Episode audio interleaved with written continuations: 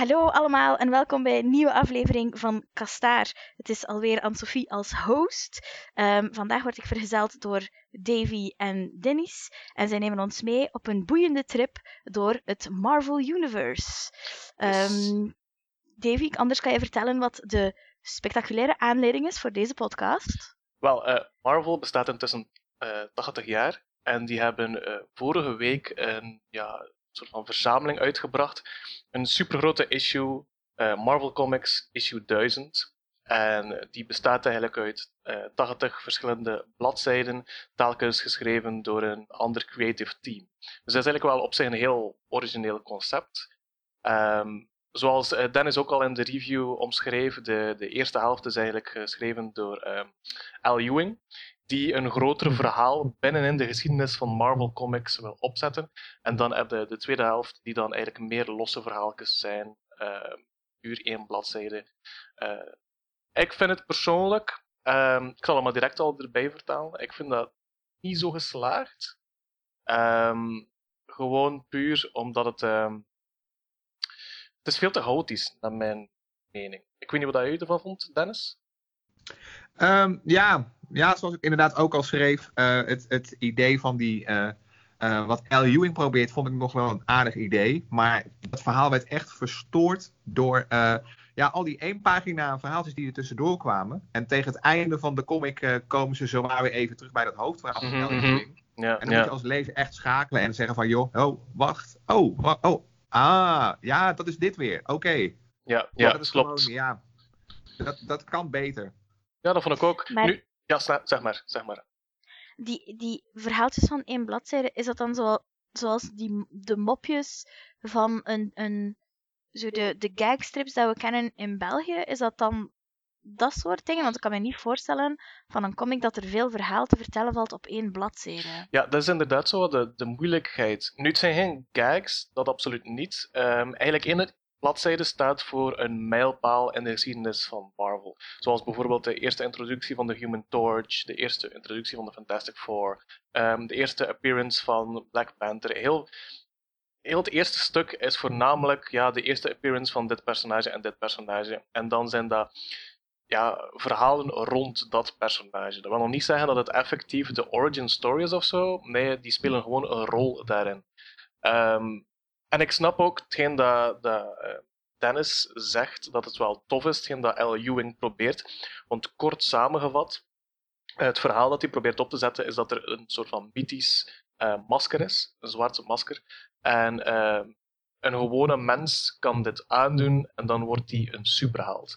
En dat is uiteraard natuurlijk een soort van vergelijking met wat Marvel Comics gedaan heeft, dat dat zijn unique selling point was back in the day als je Marvel en DC naast elkaar legt, bij DC zijn de superhelden bijna goden.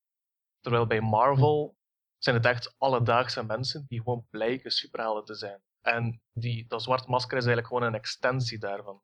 En dat snap ik. Dat is heel mooi gedaan. Maar ja, die, die pagina's ertussen waren al om te beginnen zo, hoe dat zeggen, gevarieerd in kwaliteit. Dat ging echt van heel slecht naar heel goed dat eigenlijk op het einde van de rit ik voornamelijk blij was dat het gedaan was. Oh, dat, is niet, dat klinkt niet als positief. Zeker voor zo'n speciale gelegenheid ja. lijkt me dat gewoon ja, tijdverspilling. Maar misschien ben ik gewoon te kritisch. Dat kan ook. Nou, dat, dat gaat misschien wat ver. Ik denk dat je dit op zich wel goed zegt hoor. Het, het, het, het is een, een, een, een schoolkrantje wat is gemaakt voor de vaste lezers van Marvel. Ik kan me bijvoorbeeld voor jou ook voorstellen dat jij uh, een paar keer ook gedacht hebt van ja, wat, wat moet ik hiermee? Mm Ik heb zelfs mhm. in mijn uh, stukje voor Geekster heb ik ook aangehaald een specifiek voorbeeld over Spider-Man versus Wolverine. Uh, ja, dat ja. was een bepaalde comic uit, uit 1987. En dan is er een één pagina verhaaltje wat verwijst naar gebeurtenissen in die comic. Als je, net zoals ik, eigenlijk veel te lang dat soort strips leest, dan sla je daar nog wel op aan. Ik heb dat gelezen, ik ken dat. Hè? Ik was erbij toen het verscheen, bij wijze van spreken. Maar voor Davy, die zal waarschijnlijk, ik vermoed dat, hij, ja, dat hij, jij het ook niet gelezen hebt. En je zult er waarschijnlijk niet zo gek veel mee kunnen. Want ja, nee, waarom zou, waarom zou Spider-Man over de, over de hè, over de pis zijn vanwege de dood van een zekere Charlemagne. Mhm, Hè, mhm. Wie was het? Wie was het? Eh, wat deed ze? Geen idee. En je kunt het ook niet opzoeken, want de comic is niet, in, is niet meer in print. Die is niet te krijgen. Ah, oké. Ja, dat kan ook gewoon het teken zijn dat ik gewoon nog te weinig ken van Marvel Comics, als ik het zo hoor. Dat het probleem Nou ja, eigenlijk voornamelijk zit dat, dat je al een soort van, ehm, hoe moet dat zijn, een geschoolde moet zijn op vlak van Marvel Comics. En eigenlijk al heel lang die moet volgen om dat te, te appreciëren. Terwijl ik lees eigenlijk maar iets van, wacht, van 2000 en, ik denk iets van zes jaar dat ik nog maar comics lees. Dus al die oude comics heb ik nog niet gelezen. Mhm.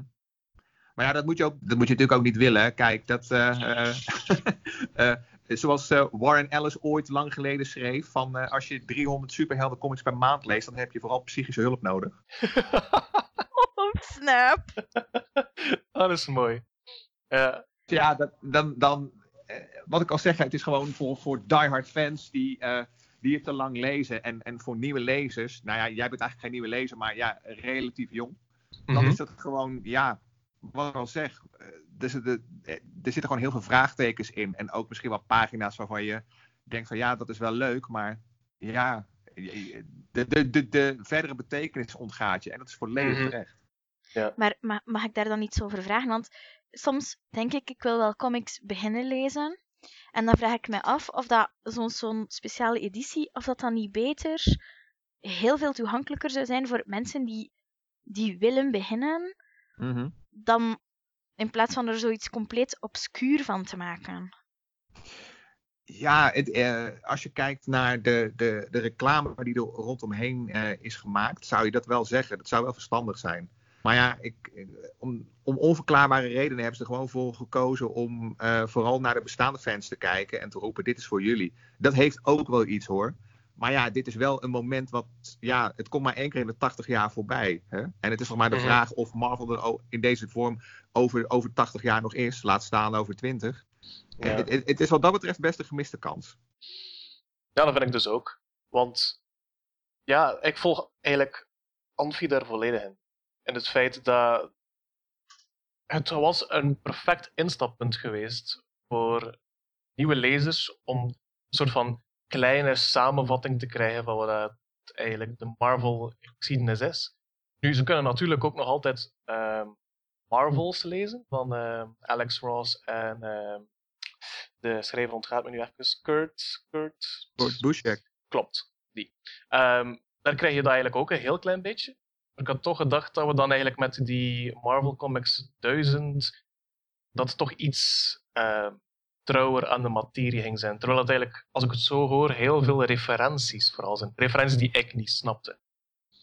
Nou ja, dat zeg je inderdaad goed. Het zijn vooral heel veel referenties. En inderdaad dat langere verhaal van Al Ewing, wat er dus ergens Mhm. tussendoor wordt gesponnen. Ja, die, die X-People, is dat iets dat ervoor ook al bestond? Was dat, of is dat iets nieuw? Uh, bij mij weten is dat iets nieuws. Uh, wat, het kwam op mij over als dat hij, um, ja, een, een, een, uh, de, de, de komst van de X-Men een beetje probeerde uh, te voorspellen.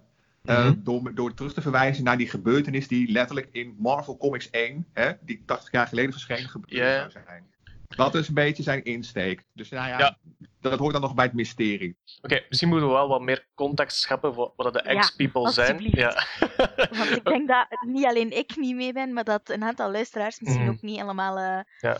Snappen waar het precies over gaat. Context is fijn. Oké, okay, Dennis, go ahead. We zullen het beter kunnen uitleggen. Um, uh, ja, dat is lastig, hè? Dan moet ik hem eigenlijk even erbij pakken, zeker nog het beste. Um, hey, um, ja, ik zeg het eigenlijk even uit mijn hoofd. Is eigenlijk geen goed plan.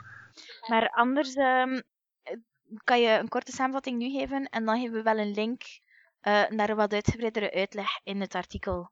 Uh, daar staan sowieso altijd heel wat links in uh, naar interessante zaken die verband houden met wat dat we bespreken en dan kunnen we het op die manier oplossen. Ja, ik denk kort samengevat, en het kan zijn, het is intussen ook al ja, een week geleden dat ik het gelezen heb, maar ik denk dat X-People, dat was een trio van, um, van detectives of zo. Mensen die onderzoek deden naar bovennatuurlijke of supernatural uh, toestanden en die eigenlijk ook op zoek waren naar dat zwart masker. En in heel de, een van de eerste bladzijden worden die geïntroduceerd. Dus ik vroeg me af van waar dat uiteindelijk kwam. Maar als dat iets nieuws is, ja, dan ben ik wel heel benieuwd waar dat, dat uiteindelijk naartoe zal gaan.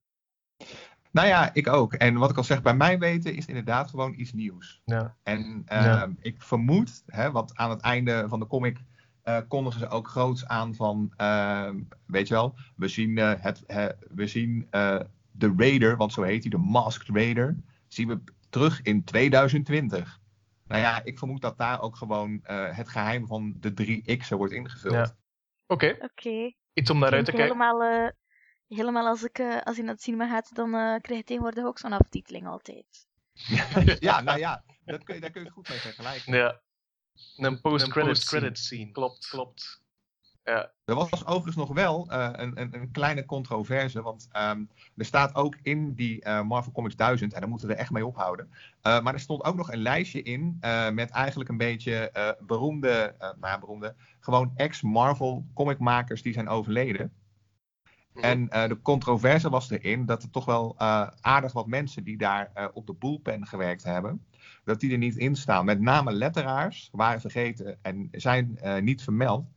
En er waren best wel wat mensen kwaad over. Hè. Eh, dan heb ik het bijvoorbeeld over ehm, Joe Rosen of bijvoorbeeld Jim Novak, die eh, in de jaren Mhm. 70 en 80 echt eh, qua typografie heel veel gedaan hebben voor Marvel. Die staan bijvoorbeeld niet in die lijst. En iemand als Gaspar Saladino staat er wel in. Terwijl Saladino een naam is die eigenlijk juist heel veel voor DC heeft gedaan. Ah, dus dat zegt ook weer iets over de samenstelling van deze bundel. Dat het toch ook wel tussen, ja, hè, het, eh, zoals jij het ook zo mooi zei, die, het, een beetje dat chaotische.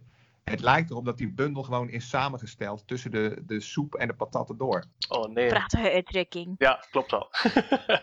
Ehm, ja, dat is wel spijtig. Ik wist dat zelfs niet. Die hetze is mij volledig ontgaan.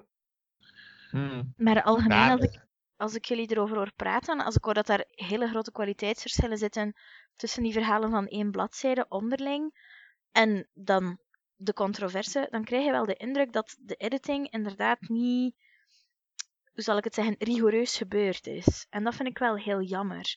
Want als ik dan gewoon kijk naar, ik lees vooral Eurostrips.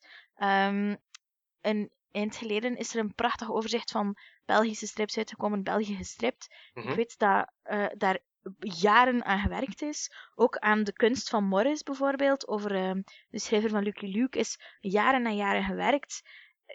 Eh, krijg ik de indruk dat ze bij Marvel een klein beetje uit het oog verloren zijn. Dat dit moest gebeuren. Dat er een verjaardag aankwam. En dat ze vrij last minute beslist hebben. Jongens, we moeten nog iets doen. nou ja, ja. Da, da- dat, zo komt het inderdaad over. En ik vrees dat het ook daadwerkelijk zo gebeurd is. Dat is ook iets wat de afgelopen paar jaren eh, ook wel tussen de regels door naar voren komt. Hè? Dat ehm, al sinds zeg maar, de overname door Disney zijn er eh, eh, hardnekkige verhalen, waar ook diverse comicmakers aan hebben bijgedragen. Dat Marvel eigenlijk de comics dan, de uitgever, gerund wordt in een soort van, ehm, en dat is wat grof gesteld, maar een soort sterfhuisconstructie. Dus zo goedkoop mogelijk die Mhm. comics gemaakt worden. Er werken eigenlijk te weinig mensen. En de mensen die er werken, zijn vaak niet ervaren genoeg. Er zijn, eh, hè, dat, is, dat is online, is dat een jaar of anderhalf eh, geleden ook een beetje geëscaleerd, waar Davy ook over geschreven heeft trouwens. Ehm, heel veel van die editors bijvoorbeeld, en dat zijn hele jonge meisjes. En nou is dat op zich geen ramp dat het dames zijn. Maar wat opvalt, is dat ze allemaal heel erg jong zijn. En het voordeel van jonge mensen is dat die heel goedkoop zijn. En nog bereid zijn om in een. eh, om in een, eh, eh, tegen een heel goedkoop salaris in New York te wonen. En gewoon met vier, vijf man in een huis te gaan zitten. Terwijl als je zo'n uitgeverij goed wil runnen. Moeten er eigenlijk ook oude ervaren rotten zijn. En die ervaren Ja. rotten die zijn eigenlijk een beetje uitge, uitgebonjourd. Ah, is dat daarmee dat eigenlijk de kwaliteit van Marvel Comics diep zijn gedaald na Secret Wars in 2015? Ik, eh, ik, ik vermoed dat het wel een rol heeft gespeeld.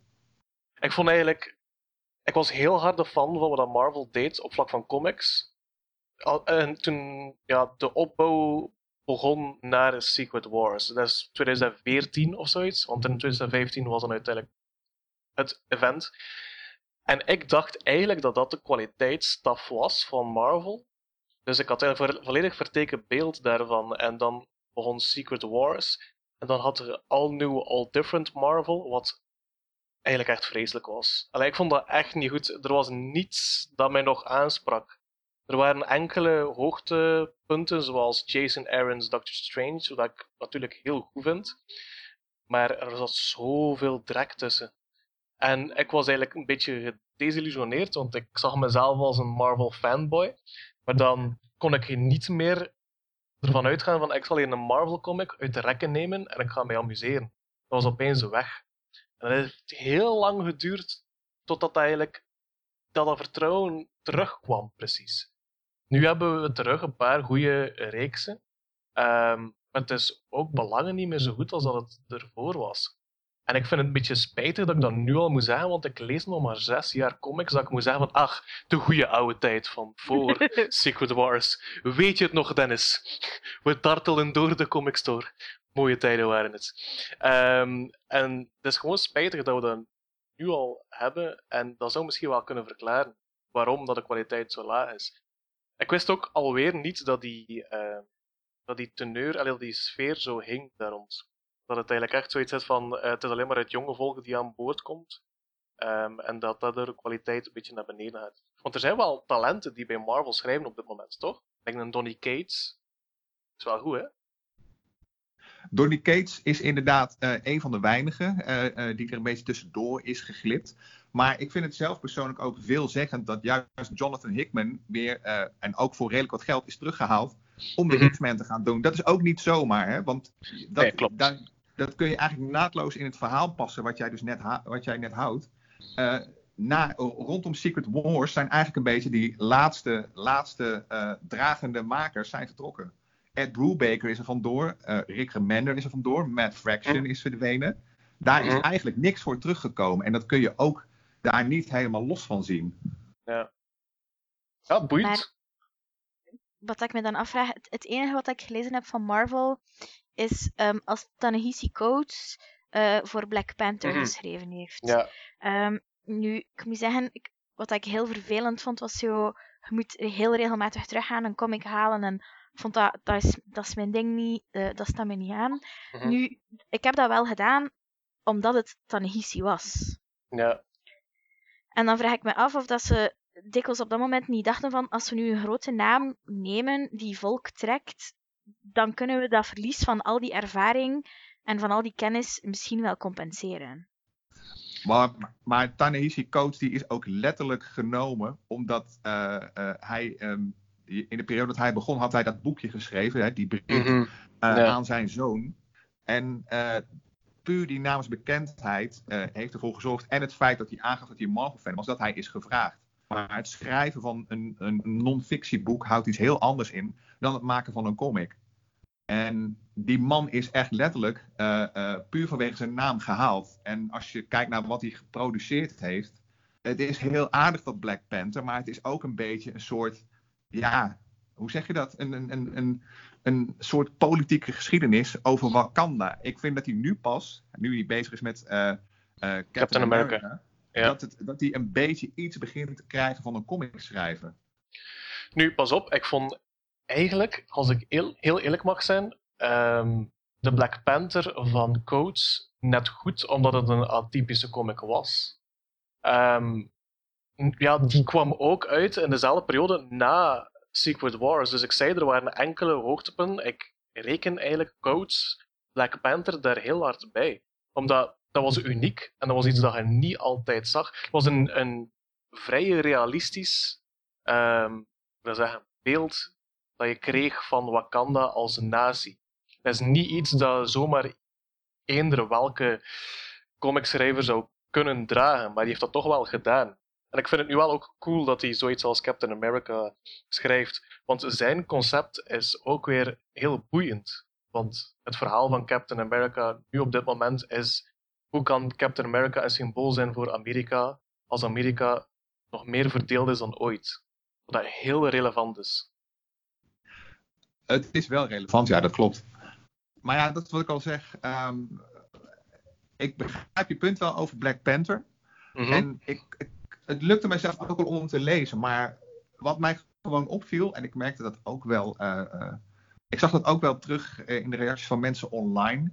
Is dat het te droog was. Het was taai. En Ja, dat was wat wel. het- wat het- Ja. en, en, en wat mij betreft ging hij daar de mist in. Ik, je kunt het van de ene kant wel waarderen hè, dat ze het experiment aan willen gaan bij Marvel. Maar Mhm. van de andere kant, als Ta-Nehisi Coates geen, reputa een, eh, geen reputatie had gehad vanwege dat boek, vraag ik me af of hij niet gewoon eh, echt eh, dan, dan was hij naar, nou ja, wat zullen we zeggen? Zes, zeven issues hadden ze waarschijnlijk buiten gewipt. Ja. ja, dat kan. dat kan, ja. Ja, maar ik, ik, het is, ik denk dat met Black Panther dat ook het voordeel had dat, dat de film die dan was, op dat moment ook aangekondigd was, was er heel veel hype over. En dan vond ik het wel heel interessant ehm, dat, daar, allee, dat die comic ook heel veel aandacht opnieuw kreeg. En ik denk dat ze dat vanuit een marketingstandpunt dan, eh, los van het feit dat hij een goede comicschrijver is of niet, want daar kan ik helemaal niets over zeggen. Ehm, denk ik dat ze, dat ze dat daar eigenlijk wel heel slim gespeeld hebben. Ja, in dat opzicht zeker. Hebben ze hebben er absoluut over nagedacht. Mhm. Verkooptechnisch is het in orde hoor, dat hele plan. Want ik denk dat ze heel veel mensen die, zoals ik, die wel naar de cinema gaan, eh, als er een Marvel-film uitkomt, toch kunnen hebben overtuigen om een keer een comic vast te pakken. En ik denk Ja. dat dan in veel gevallen dat effectief die geweest is. Dat kan. Nu, blijkbaar ben je wel de uitzondering op de regel hoor. Dus Ja, dat is heel vreemd. En, en ik bedoel dan op, en, en de, de beredenering van mensen die naar Marvel comic, eh, naar Marvel films gaan kijken, die gaan de comics lezen. Ik merk toch dat er daar toch precies een drempel voor is. Ik merk dat bij eh, collega's bijvoorbeeld. Collega's zijn gek van de Marvel films. En dan zeg ik van oké, misschien moet je eens de comics lezen, want er zitten er echt wel goede tussen. Nee, nee, nee, dat is een drempel te ver. En dat, ik denk dat, dat, dat je dus op dat vlak eigenlijk meer de uitzondering bent dan de regel. En ehm, dat is iets wat, wat ik denk dat Hickman ook bedoelde op een bepaald moment. Dus Hickman is nu bezig met X-Men. Ehm, en die heeft altijd zo heel high-concept verhalen die vrij complex zijn. Maar zijn verhalen worden ook gebruikt als inspiratie voor de films. En eh, in een interview zei hij ook van de, de comic-industrie is op dit moment verkeerd bezig, omdat de comic-industrie zich aanpast naar de filmindustrie, terwijl de filmindustrie zich inspireert op de comics. Dus de comics moeten gewoon, een, gewoon steengoed zijn. Dat gaat ervoor zorgen dat de films goed zijn. En het mag niet vice versa zijn.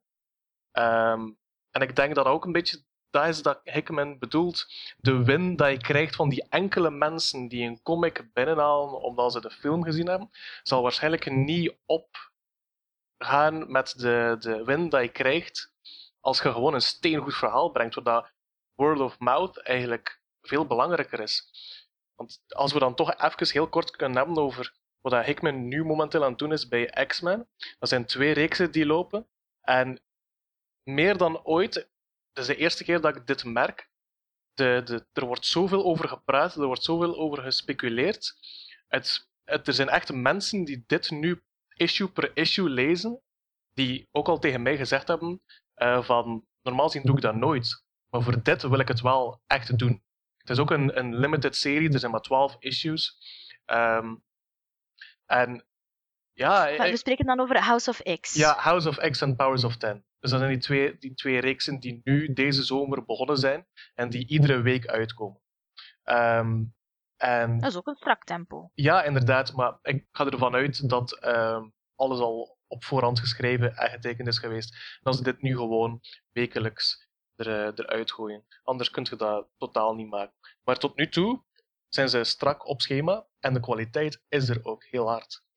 Ehm, en eigenlijk, om terug te keren naar het punt dat ik wou maken, dit vind ik zo'n verademing dat ik eigenlijk wil dat dat meer gebeurt. Ik zou veel liever hebben dat we in plaats van een ziljoen reeksen die maandelijks uitkomen, dat we minder reeksen hebben en dat er mensen zijn die heel lang kunnen nadenken over een verhaal en dat zoiets dat wekelijks uitkomt in een korte periode.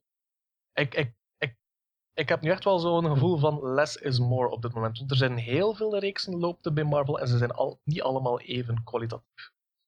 Ja, klopt. ja, plus de vrijheid van een, van een vooropgesteld einde Ja. is toch iets dat je niet mag onderschatten, denk ik. Absoluut, absoluut. Want dat is ook hetgene wat mij soms aan stoor. Als ik dan bijvoorbeeld kijk naar wat er gaande is bij DC. Bij DC is eh, Tom King bezig met een Batman-verhaal. Er was een heel lange, er was een heel lange opbouw naar gaan Catwoman en Batman trouwen. En dan is dat last minute veranderd. En nu, ik denk wel dat dat sowieso een, een staartje gaat krijgen. Maar de outrage was zodanig groot. Waarom? Omdat we heel hard het gevoel hadden van ja, oké, er is geen eh, character development meer bij Batman, want de status quo moet gewoon behouden worden ten alle tijden. En dat hebben we heel hard bij veel van die superhelden, is dat status quo is heilig en dat moet behouden worden. Oké, op een bepaald moment gaat er wel eentje dood, maar de impact is er niet meer, omdat je weet van, ah, die zal na zoveel jaar of na zoveel maanden toch wel Ze terugkeren. komen wel terug. Ja, dat is.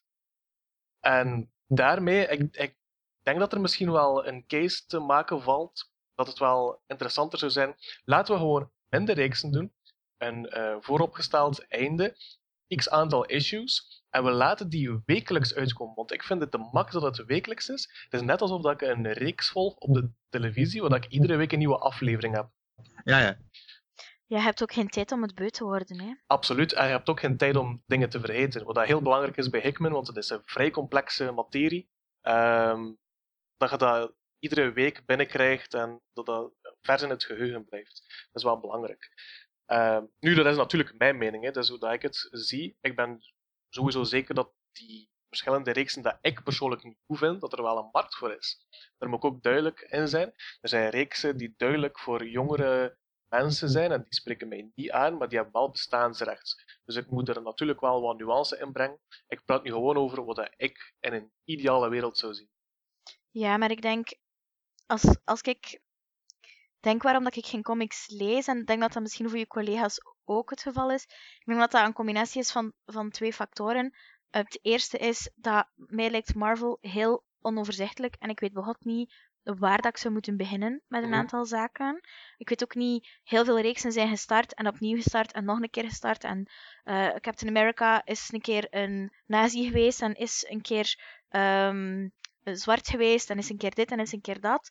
En dat maakt het heel complex. En aan de andere kant denk ik ook dat er nog altijd een soort van eh dédain is ten opzichte van ehm, comics. Je merkt Mhm. dat als ik zeg tegen mensen dat ik graag strips lees, dan zie je die kijken van, eh, seriously, wat ben je een kleuter? En, en dat vind ik ongelooflijk jammer, want als je dan merkt dat iemand zoals Hickman al die moeite steekt in een heel complex en een heel indringend verhaal, als een Tanihisi Coates super hard werkt aan een, een soort van verankering van zijn verhalen in de actualiteit, in een realiteit die, die niet te ontsnappen valt, dan, gaat het, dan heeft dat veel meer diepgang dan, eh, excuses voor alle fans van Herman Brusselmans, het nieuwe boek van Herman Brusselmans.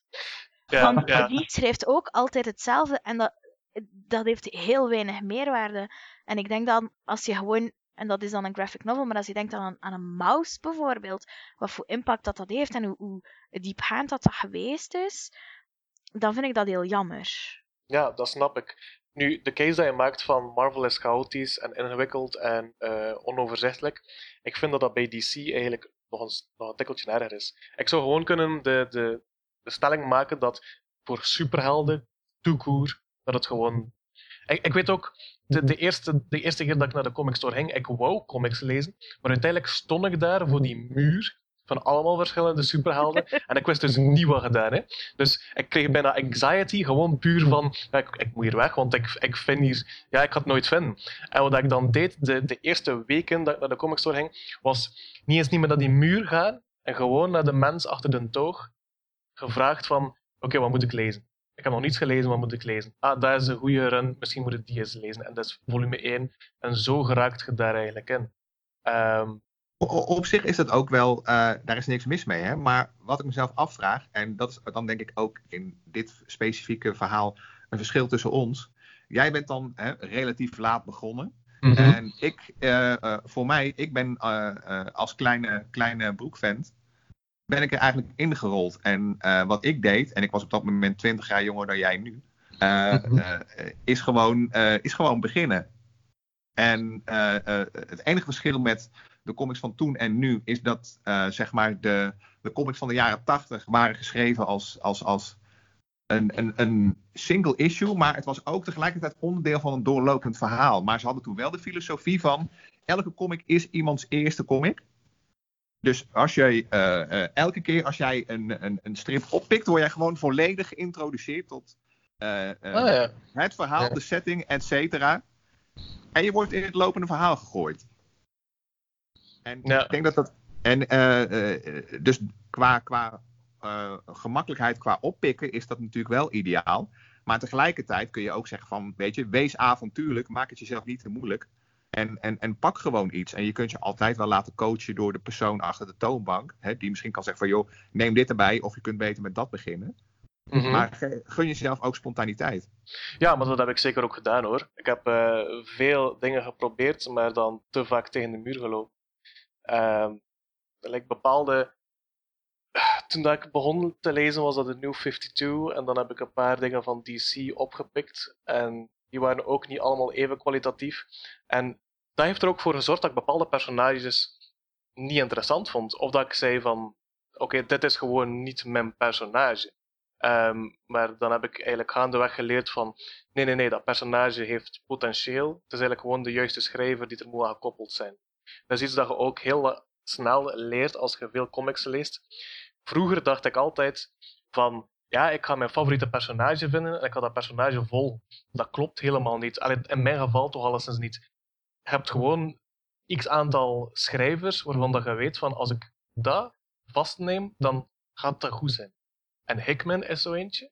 En Jeff Lemire, dat is ook zo eentje. En vanaf nu ben ik echt iemand geworden die meer kijkt naar het creative team die erachter zit, dan, dan de personages zelf. Ja, ik denk, maar ik denk ook dat veel mensen die ontwikkeling doormaken hoor. Die nemen nog wel een personage mee. Maar dat je inderdaad ook gaat kijken naar van wie maakt het. Ik herken dat ook bij mezelf. Dat ik, eh, eh, de- als sommige mensen met iets komen, dat ik dat makkelijker oppik. Dan wanneer er een vreemde naam op staat. Als ik dan niks heb met het personage, dan, dan ben ik altijd weer wat meer afwachtend. Nu, om even weer terug te keren naar het punt dat, dat Anne-Sophie maakte. Ik ben wel nu de laatste tijd ook wel meer iemand die eh, superhelden comics meer laat liggen. En als ik kijk naar mijn boekenkast, zijn het toch ook voornamelijk dingen van Image en van Small Press die erin staan. Omdat dat ja, self-contained stories zijn, meestal ook creator-owned. Dus er is niet zo hard dat er ge- ge- gemoeid wordt in het verhaal. En dat zijn ook gewoon, laten we eerlijk zijn, soms veel betere verhalen. Ja, ja, ja dat is waar. Mag ik eh, nog eventjes terugkomen op iets dat je eerder zei ehm, over het- de link tussen de films en de comics? Sure. Ehm, ik heb soms de indruk dat op het moment dat er een film aangekondigd wordt, eh, dat ze opeens personages vanuit, van onder het stof halen ehm, en denken, ja, hier moeten we terug iets mee doen. Ja. Veel meer eh, dan, dan dat ze denken, wat is een, interessant, wat is een interessante held, eh, wat is er boeiend, en dat ze dan van, vanuit die, ehm, die optiek vertrekken. Want ik weet dat er eh, nieuwe eh, personages geïntroduceerd zijn waar dat er al hele grote plannen mee zijn op filmvlak. Ja, klopt. Dus ehm, de voorbije weken is eh, hebben ze verteld dat er een reeks komt van ehm, Moon Knight. Wat op zich niet zo'n obscuur personage is. Die heeft al, ik denk, een jaar geleden of twee jaar geleden had hij nog een reeks lopende. Eh, ik ben een grote Moon Knight fan, dus ik heb dat issue per issue gelezen. Maar eigenlijk, dat laatste verhaal was niet goed. Eh, maar het is wel een supergoeie personage, super boeiend ook. Ehm, en nu weten we, nu dat die reeks uitkwam, hebben ze ook direct een announcement gedaan dat in december komt er een nieuwe reeks, een nieuwe comicreeks nu, van Moon Knight. Dus het is wel heel duidelijk dat ze daarop inspelen. En in combinatie daarvan heb je ook nog eens de announcement dat Kit Harington, de Jon Snow van Game of Thrones, die zal Black Knight spelen in ehm, The Eternals. En er komt uiteraard nu ook binnenkort een Black Knight reeks uit. Dus het is heel duidelijk dat ze daar hard op inspelen. Dus marketinggewijs, alles on point. Maar ik vind dan gewoon, de, ik heb zo het gevoel dat ze dan snel een creative team daar tegen gooien en maak maar iets. Het, is, het is zo, ze moeten, ja, dat, dat, is, dat is zo, dat, terwijl dat er waarschijnlijk mensen zijn die een goed verhaal hebben, maar die daarvoor de, de kans niet kregen om dat te maken, maar opeens nu dat, dat Hollywood of Netflix of Disney uh, opeens, Netflix, maar Disney, opeens het uh, idee is van, ah, daar kunnen we iets mee doen, dan wordt dat opeens wel opgepikt en dan zitten er geen goede matches. Dat vind ik zo spijtig. Dat is, dat is mijn gevoel. ja. Genre, we smitten alles tegen de muur en we zien wel wat er blijft Ja. plakken. Klopt. Want die Black Knight hebben ze ook opgepikt na Secret Wars. Dat was een all new, all different eh, Marvel. En dan kwamen er ook obscuurdere personages weer naar boven. En Black Knight heeft ook heel even een reeks gehad. Maar ik denk dat dat zelfs issue 4 of 5 niet gehaald heeft, omdat niemand dat las. Nee, hè? dat, ik, ik, ik begrijp dat ook niet hoor. Want de Black Knight. En dat is misschien ook weer eh, te veel nerden voor de oudere lezer. Maar de Black Knight is gewoon eh, in de jaren 70 en 80 was dat een bijpersonage in de Avengers. En zijn enige echte kwaliteit was zijn onbreekbare zwaard. Ah. Oké, Oké. wauw. Ja. En is er, eh, gewoon omdat ik, ik weet bijvoorbeeld niet wie dat ehm, Moon Knight is, Black Knight weet ik nu een klein beetje. Heb, hebben die, houden die verband met elkaar of zijn dat gewoon toevallig alle twee Knights? Eh, nou, het is inderdaad gewoon puur toeval, inderdaad. Dus Ja, er is geen inderdaad. verband verder. Ehm, ja, Da- Dave is eigenlijk de grootste fan van Moon Knight. Dus eh, teken de B, kapitein. Wel, Moon Knight is een heel boeiend personage, omdat het een personage is met een, eh, ja, dat zijn, een eh, psychische aandoening. Die heeft eigenlijk eh, meerdere persoonlijkheden. En die heeft, eh, hoe moet ik dat zeggen, het is eigenlijk een huurmoordenaar die tijdens een eh, missie in Egypte werd vermoord. En zijn lijken lag onder het standbeeld van Khonshu, wat de god is van de dood, dacht ik. Ehm, dus die is gereizen. En Khonshu leeft nu ook in hem. Dus hij is één van die persoonlijkheden. Ehm, het, het, het punt is eigenlijk dat Moon Knight dus eerst ja, gek is. Dus die, die heeft verschillende persoonlijkheden, wat ook zorgt voor heel boeiende verhalen. Jeff Lemire heeft zo een eh, verhaal geschreven dat zich helemaal afspeelt in zijn hoofd. En waarin die drie personages vechten om de bovenhand te hebben. En dan heb je Khonshu, die natuurlijk daar manipuleert. Maar dat is dan het interne van Moon Knight. Het coole aan Moon Knight, als we het gewoon als superheld zien, is het feit dat hij in veel opzichten lijkt op een witte Batman. En waar, Nou, laat, laat het lijkt maar gewoon weg, hè. Want Ja, oké, ja. Het was oorspronkelijk gewoon ordinair jatwerk. Maar ga- Ja, was dat zo? Ah, ik dat wist ik zelfs niet. Nu, maar het is dus ja, een witte Batman. Ehm, en Warren Ellis heeft een heel coole reeks daar rondgeschreven. En eh, daarin wordt eigenlijk verklaard waarom dat hij zich in het wit kleidt. En eh, een van die politieagenten zegt op een bepaald punt van... Oké, ehm, je weet toch als... eh, want net als Batman opereert hij ook alleen maar s'avonds. Eh ja, je weet toch als je in het wit gekleed zit dat mensen nu van mijlen ver zien aankomen.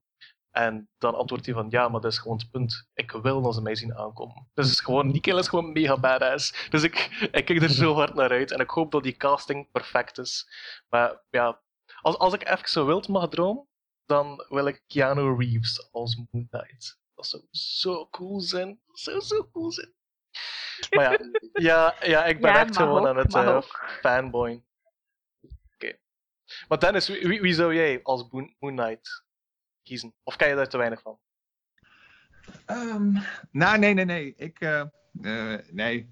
Eh, die, ik heb te, te veel eh, kostbare levensminuten verspeeld aan die strip. Dus ik ken er misschien zelfs al te veel van. Maar als ik het puur heb over acteurs, ik heb er eigenlijk geen beeld bij wie, wie hem nou zou moeten spelen. Ik, het, het, het, het kan ook gewoon. eh, als ik iemand zou moeten kiezen. Maar ja, ik zou een nieuweling proberen, denk ik. Ik zou de eh, comedian Pete Davidson nemen. Die worstelt zelf ook met de nodige eh, geestelijke Ja. problemen.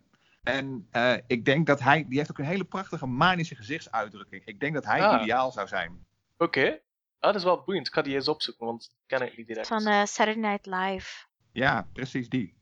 En Oh, ja, ja, ja, ja, Samen geweest met Ariana Grande en zo. Ja, oké, ik weet niet wie dat is. Ja, ah, klopt. Dat is, dat is wel een hele goeie. Als die ook kan acteren, dan volledig voor te vinden. Weet wie dat ik niet wil? Saturday Night Live zit, zal het zo slecht niet zijn. Nee, dat is waar. Maar weet wie dat ik zeker niet wil? Blijkbaar gaan er nu al geruchten de ronde dat Andrew Garfield zou mogelijk Moon Knight kunnen spelen. Maar die is al Spider-Man geweest en ik zie hem dat niet, ik zie hem dat niet spelen. Heel eerlijk.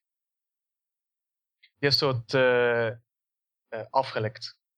Maar ik vind wat dat Dennis zegt over de, de real world circumstances van Pete Davidson, vind ik wel heel interessant. Omdat Mhm. als ik. We hebben het daar straks gehad over de samenstelling van creative teams, die niet altijd is wat dat zou moeten zijn. En zeker als het over echt iets delicaats gaat als, als mental health. Want ik snap dat dat. Allee, in de oorsprong zal dat een beetje van een gimmick geweest zijn, maar ik denk dat we ondertussen net iets verder geëvolueerd zijn dan dat. Dat dat niet gewoon de punchline mag zijn. Nee, nee, nee. Dan denk ik dat echt heel hard van belang is dat er in het project op een delicate manier mee omgegaan wordt. En als je dan een hoofdrolspeler hebt die ervaring heeft in het geheel, kan hij misschien ook wel de boel een beetje tot de orde roepen als nodig zou zijn. Ehm, en lijkt me dat. Sorry, ik ben een geweldige fan van Keanu Reeves, Davy. Ja, Maar ik nee. ga toch voor Pete Davidson kiezen. Nee, ik, ik geef u eigenlijk zelfs een beetje gelijk. Ik vind Pete Davidson veel beter. Ik ben gewoon weer aan het fanboyen omdat Keanu Reeves... Ja, ik ben wel fan van Keanu Reeves. Ik heb net de Matrix nog eens opnieuw bekeken, dus het is allemaal daardoor. Nee, Pete Davidson is inderdaad een heel goede heel goede casting. Eh, ik ging nog iets zeggen en ach, het ontgaat me nu net. Ach, nogthans een goed punt over Moon Knight. Ja, nee, ze op een bepaald punt van eh, het moet geschreven worden door iemand die met de nodige zorg omgaat, met zo die mentale toestand en zo. Want dat is hetgene dat heel sterk is aan de run van Jeff Lemire. Jeff Lemire is altijd al een schrijver geweest die heel veel sterke verhalen schrijft over zo ehm, interne struggles, ik zal het maar zo zeggen. Die heeft een heel goede reeks, Royal City, en dat gaat over een gezin wiens ehm, jongste, eh, ja, jongste zoon is eh, op een vroege leeftijd overleden. En eigenlijk ziet je in die comicreeks x aantal jaar later hoe die familie omgaat met die leegte, met dat verlies. En elk lid van die familie ziet eigenlijk die persoon, dus dat, dat kind, op een andere manier nog altijd. Zoals bijvoorbeeld de oudste zoon, die ehm, ja, we zeggen een beetje van een landloper is en heel veel drinkt. Die heeft een buddy waar dat hij mee co-houst. En die buddy is eigenlijk gewoon die broer. Maar dan mocht, die volwassen geworden zijn. En effectief zo samen huizen samen met. Die moeder ziet dan bijvoorbeeld die zoon eerder als een dominee. Die eh, eh, dan wat filosofische gesprekken voert met eh, zijn moeder. En op het einde van dat verhaal krijgen we dan uiteindelijk die closure van hoe dat ze allemaal dat een plaats geven. En dat is zo emotioneel sterk. En dat is ook de reden waarom dat ik vind dat Jeff Lemire een heel goede run geschreven heeft. Omdat die heeft, zoals ik al zei, dat was intern. Dat waren zijn verschillende persoonlijkheden die vechten om de bovenhand te krijgen. En dan natuurlijk de hoofdpersoonlijkheid die zoiets heeft van nee, ik, ik weet niet in wie dat ik moet geloven. En dat was ook puur hallucinant en zo. Dat dus heel trippy. Ehm, maar dat kan ik zeker wel aanraden. Als je zo een verhaal wilt lezen waarvan dat er wel met heel veel zorg omgegaan wordt met het concept. Ja, eh, meerdere persoonlijkheden. Ja, wel, maar ik denk dat dat eigenlijk het punt een beetje is dat we al de Hanse podcast maken. Het belang van die, van die creatieve Mhm, teams ja. en van Ja. een hele goede match tussen de schrijvers en, en, en de materie. En dan snap ik ook wel waarom dat je zegt van kijk, als Liemeyer iets schrijft, dan lees ik dat sowieso. Mhm. Ehm, lijkt mij een mooi eindpunt van deze Ja, podcast inderdaad. te zijn. Ja. Ehm, super hard bedankt, alle twee. Ik heb heel veel bijgeleerd. Ehm, ik vond het ook heel toegankelijk, ondanks het feit dat ik er niet zoveel van kende. Ik hoop dat dat voor onze luisteraars hetzelfde is. Als dat niet zo zou zijn, of als dat wel zo was, feedback via Facebook, Twitter of via e-mail is altijd welkom. We hebben ook een fantastische Discord-server. Ehm, en voor de rest, ja, merci. En tot de volgende aflevering. Tot ziens, luisteraar. Doei! You, bye.